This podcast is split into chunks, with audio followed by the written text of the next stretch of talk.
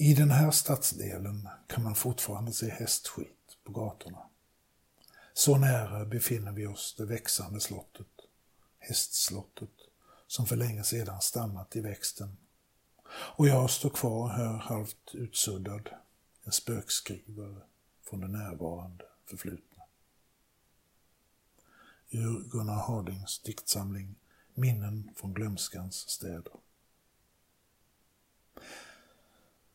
Man kan tänka sig hur August Strindberg för ungefär 125 år sedan stannat upp på Gärdet i Stockholm.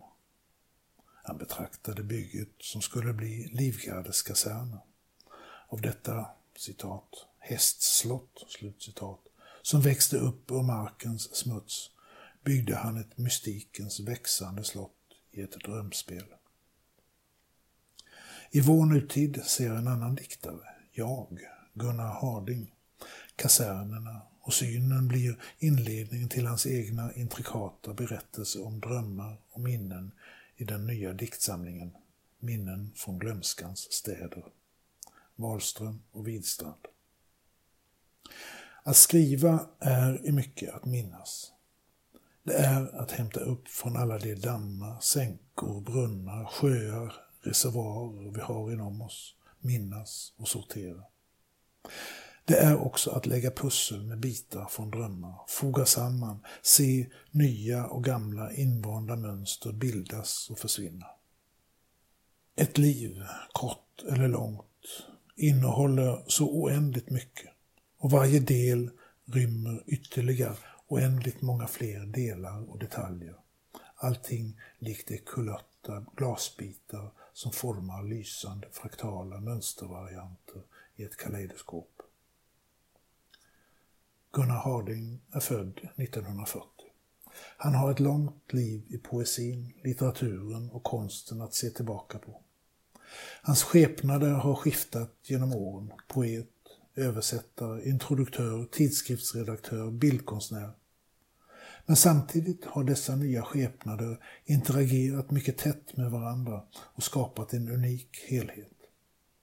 Det har också skapat en poetisk litterär minnesbank av personliga möten, kontakter och en beläsenhet som gör honom i stånd att till synes helt obesvärat i samtal, dikter, essäer ta sig fram genom litteraturen som vore den ett fält av gräs.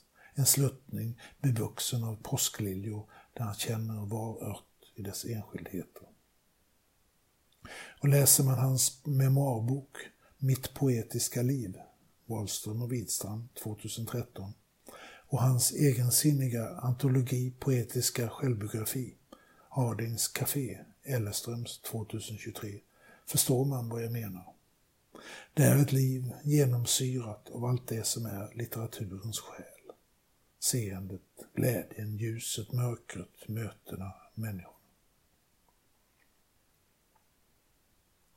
Minnen från glömskans städer är hans 21 diktsamling sedan debuten 1967 med Lokomotivet som frös fast. Han har genom åren skrivit om livet, döden och kärleken, om Apollinaire och James Dean, om jazz och skridskoåkning, svepande dikter med eleganta skär och radbrytningar där svärtan och ljuset tillsammans gett dem deras lyftning. En lekfullhet med och allvar i språk, form och innehåll. Det är som att han ständigt sökt ge dikten både kropp och ande, flyktighet och tyngd på samma gång, i en och samma gestalt. Modernismens sätt att ta satsytan i anspråk, att låta dikten genom sin form liksom leda läsarens andning och tanke, låta den bli ett, har tidvis varit något av hans signum och mycket skickliga svenska svar på amerikanska och europeiska traditioner. I minnen från glömskans städer är dikterna stillsammare till formen, som om poeten satt sig ner med vännen, läsaren, för att berätta om åldrande, om livet som varit, om skrivande, det ibland bedrägliga minnet, vänner, författare som inte längre finns, om drömmar, om Kurt Wallanders sista fall, om Ukraina, om det som händer med kroppen och om dikten som är, varit, likt livet självt och dess skyddspatron Merkurius som följer oss till båten över den sista floden. Gunnar Hardins diktion. Hans stillsamma resonerande, de till synes självklara referenserna till så väsensskilda företeelser som till exempel en kriminalpolis, ett nutida krig och en antik gudomlighet liknar det som sker i tankar och i dröm. Där finns allt vi vet och alla vi känner. Och Harding har som poet full förtröstan i att läsaren är med honom. Människans liv och tankar rymmer en mångfald av ting, röster, händelser, gestalter. Det finns ingen gräns för vad som kan uppenbaras inom oss. Jag läser. Han blir min vägvisare genom sitt drömspel och jag finner då att i mina egna referensramar vilar mycket av samma slag. En av Gunnar Hardings stora förtjänster som poet är just detta, att han litar på att läsaren följer en god berättare. En som med sin uppriktighet och stora erfarenhet som poet vågar visa att dikten handlar om det gemensamma, människans liv och minne. Innehållet har en stark sprängverkan på mig. Kanske har jag själv blivit känsligare, känner på ett annat sätt än tidigare närmandet till död och förbleknande. Men just mitt levande har egentligen ingen betydelse. Det väsentliga är dikternas inneboende kraft och skönhet i sig. Det är det som bryter fram och gör boken till en av de mera gripande och givande diktsamlingarna på länge. Gunnar Harding har här skapat ett eget drömspel. Ansatsen tas i första dikten med anspelning på Strindbergs drama och Harding för det själv på tal i en not som förklarar sambandet mellan ordet hästslott och det växande slottet. Och som Strindberg skriver i sin inledande erinran går citat, en ton av vemod och medlidande med allt levande genom den vinglande berättelsen. Slut citat. Och diktsamlingen blir en berättelse om ett liv sett genom en citat spökskrivares slutcitat ögon. Diktaren, jaget, betraktar sig själv ensam i tysta natten, ser sig såsom i en dunkel spegling i ett fönster. Citat. Husen sover stående som hästar, som träd. De växer in i natten tills det och mörkret blir till ett och det sista upplysta fönstret blir ett fönster mitt i himlen. Där står en man i skjortärmarna och röker. Det är jag. Slut citat. På samma stillsamt vemodiga eller melankoliska sätt betraktar jaget minnena och personerna som defilerar förbi. Han söker kontakten med dem men vet naturligtvis att den är bruten för alltid säger undrande i dikten Long Distance Call. Citat. Och de döda, har de glömt våra telefonnummer eftersom de aldrig ringer? Har de strukit över våra namn? Eller lever vi ännu kvar i deras drömmar som de i våra? Slut citat. Eller skriver han om vännen Thomas Tranström i den vackra den 25 mars 2015. Citat. Thomas, det var koltrasten som berättade om din död genom det öppna fönstret till hotellrummet i Amsterdam denna vankelmodiga månad när vår blev vinter, vinter, vår. Allt mer upphör att finnas till. Snart är alla poeter borta obehövliga som stumfilmspianisterna. Och allt som blir kvar är det pojkaktiga småleendet i slutet av en mening. Slut citat.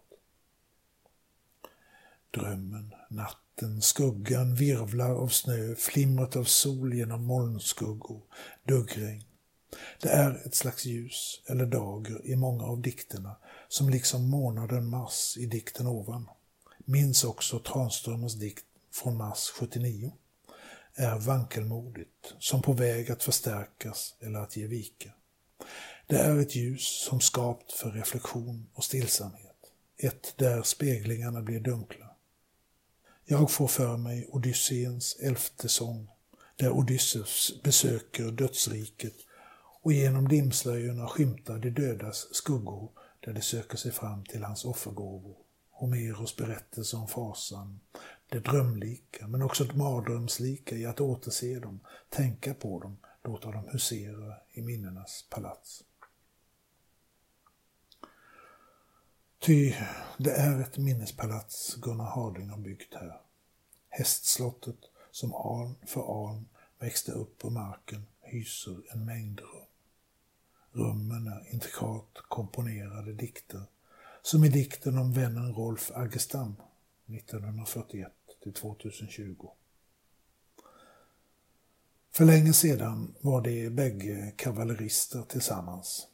Han ser tillbaka på det i inledningen till dikten Camerado där han skriver citat virvlar, virvlar av snö redan på den tiden då vi tog oss fram till häst. Slut citat. Och minnena från decennier tillbaka rusar fram till, svärmar kring och flyr bort från poeten. Diktens titel är Camerado. Ett ord jag genast tycker mig förstå och känna som spanskt tills jag läser Hardings kommentar och ser att Walt Whitman uppfanns det, uppfann det för att beteckna citat, en förtrogen vän. Slutcitat. Och jag minns då att Aggestam 1983 tolkade Whitmans Song of Myself till svenska. Så i dikten om virvlarna av snö som framkallar flimrande minnen av när de två rider fram någon gång på 50-talets slut finns Whitman och den amerikanska poesin i all sin kraft tillsammans med kärleksfulla minnen av vännens fäbless för mekanik och meckande med motorer i kombination med diktande, översättande.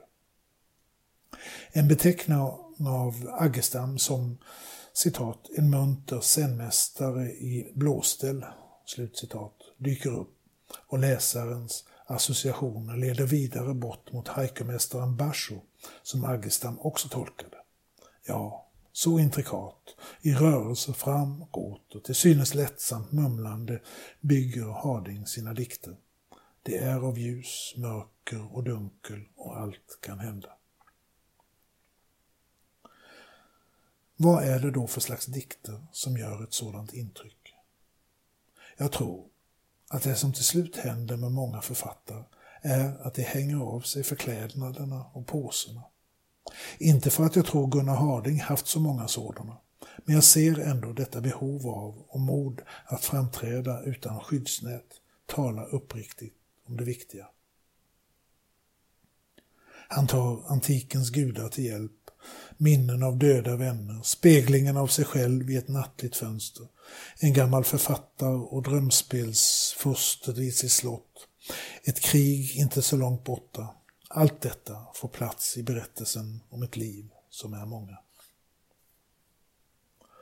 Men Whitman skulle han, och vi alla, kunna säga om oss själva och vår vankelmodiga komplexitet, citat, Do I contradict myself?